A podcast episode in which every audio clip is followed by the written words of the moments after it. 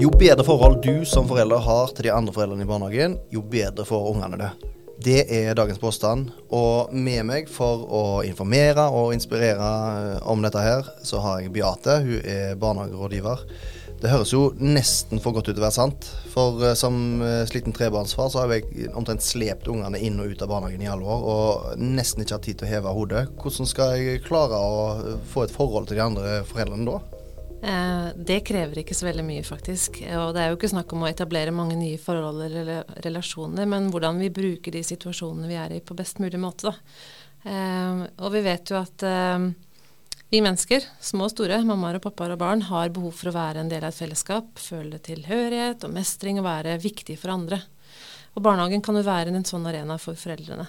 For vi vet også at mulighetene for at vi skal ha gode sosiale nettverk, de er ulike mellom oss. Og det er sammenhenger mellom levekår og livskvalitet og sosiale nettverk. Så derfor er det jo kjempeviktig at både barn og foreldre fører tilhørighet og en del av et fellesskap. Og det kan barnehagen være en bidragsyter til. Mm. Og så snakker du om nettverk. Da tenker ja. jeg at det er på overordnet plan. Det er ikke det at man nødvendigvis må eh, organisere seg sånn. Eh, men da er det sånn at eh, når man er på jobben, er det viktig å snakke sammen eh, og ha, et, ha gode relasjoner. Og når man er mm. uh, fotballtrening og håndballtrening og golf, uh, alle ting, så er det fint å ha gode relasjoner. Og det er vel det du snakker om, da, for å utnytta den muligheten i barnehagen litt bedre? Mm. Fordi at I det øyeblikket man er foreldre i en barnehage, da, så er man jo i en relasjon med de andre foreldrene fordi man har barn i samme barnehage. Eh, og på mange plasser, sånn som der jeg bor, så går ungene sammen fra de er i barnehagen til de er ut videregående. Så det er jo viktig å få, få den relasjonen og kjenne hverandre og kjenne hverandres barn. Det er jo gjort en stor undersøkelse, en OCD-undersøkelse som ble gjennomført i 2019. Der spurte man eh, foreldre med barn på 15 år i hvilken grad foreldrene kjente barnas venner med navn, og barnas venners foreldre. Og det den undersøkelsen viser, da, er at de barna som har foreldre som i en større grad enn andre kjenner sine venner og foreldrenes, eh, eller vennenes foreldre, de barna viser seg til at det er bedre på samarbeid, og de opplever i mindre grad mobbing. Så det har jo en effekt, ser man når barna blir store, at man også kjenner foreldrene og barnas venner når de er små. Mm. Og det er jo ganske logisk, for mm. vi vet jo det at uh, mm. de som er, har et sånn trenger ikke være så veldig tett forhold til, men de må ha et løst forhold til og er på, på nikk med og kan navnet til.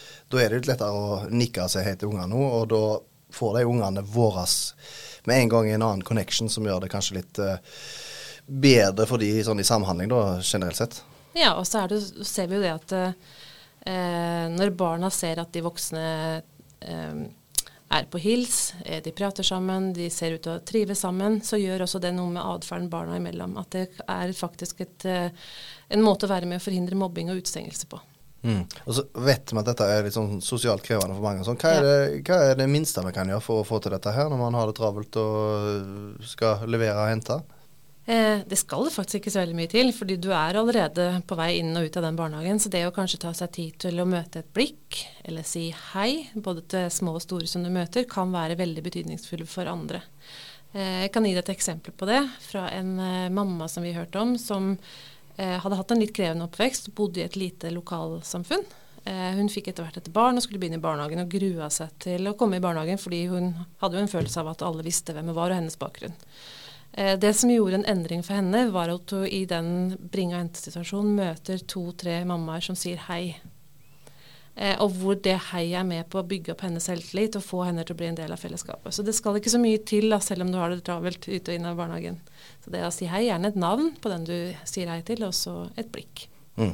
Jeg, jeg, klarer å si hei, men det navnet vet jeg ikke om jeg klarer å huske. Så det heiet det skal jeg faktisk uh, få til. Mm. Uh, men det finnes andre sånne møtearenaer òg i barnehagen. For det er ikke bare henting og levering. Det finnes andre som dere i fall mener at vi kan utnytte til det bedre. Mm.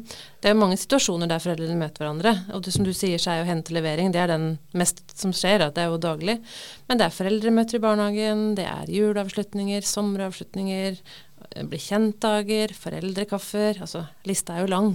Mm. Mm. Og så var det én ting som du kanskje ikke nevnte, som er veldig viktig, og det er foreldremøter. Og den er jo en, for mange en, uh, ja, det er en terskel, altså. For det er mm. mange som hater å gå på foreldremøter, og uh, som kvir seg veldig. Ja. Og så er det andre som liker det godt, òg. Men for de som hater det, hvordan kan vi gjør at foreldremøtene blir lettere for de, sånn at de kan kanskje bruke dette til å få knytta litt eh, relasjoner til andre? da? Eh, jeg tenker at Barnehagen har en kjempeviktig jobb, eh, gjerne sammen med samarbeidsutvalget, i å planlegge gode foreldremøter. For foreldremøtene er en kjempefin arena for foreldrene å være med og si noe om hvordan de ønsker at det skal være i barnehagen. Eh, men det å planlegge godt, sånn at man får inkludert alle foreldrene, sånn at det blir en god, en god eller godt møte for alle foreldrene, da. Så vet vi jo også at det er en del foreldre som sjelden eller aldri møter. Og det kan jo være at de ikke har lyst, som du sier, eller hater det. Men for noen så er det også kanskje vanskelig å komme. Så at mm. barnehagen kanskje kan ta et skritt tilbake og gå og ta en prat med de foreldrene og si at du, vi ser at dere sjelden eller aldri møter. Er det noe som gjør det vanskelig for dere? Er det noe vi kan hjelpe til med, sånn at dere kan komme? Kan vi tilby barnepass, eller eh, skal, er det behov for tolk? Eller hva, hva det nå det handler om, da. Så, så, sånn som jeg tolker det da, så er det barnehagen kan gjøre mye for å lage gode foreldremøter da, og legge ting til rette og forberede seg litt bedre på de møtene. Uh, hva kan vi som foreldre gjøre da i foreldremøtesituasjonen? Um, det som er viktig å si, tror jeg da, er jo at uh, vi foreldre er ulike, og vi har ulike forutsetninger for å bidra. Så det som er helt ok for deg å gjøre på et foreldremøte, trenger ikke være det for noen andre. Så det bør det også være åpning for at når man kommer til foreldremøte, så er det helt greit å ikke skulle si noe hvis man ikke har lyst, mens andre gjerne bidrar masse.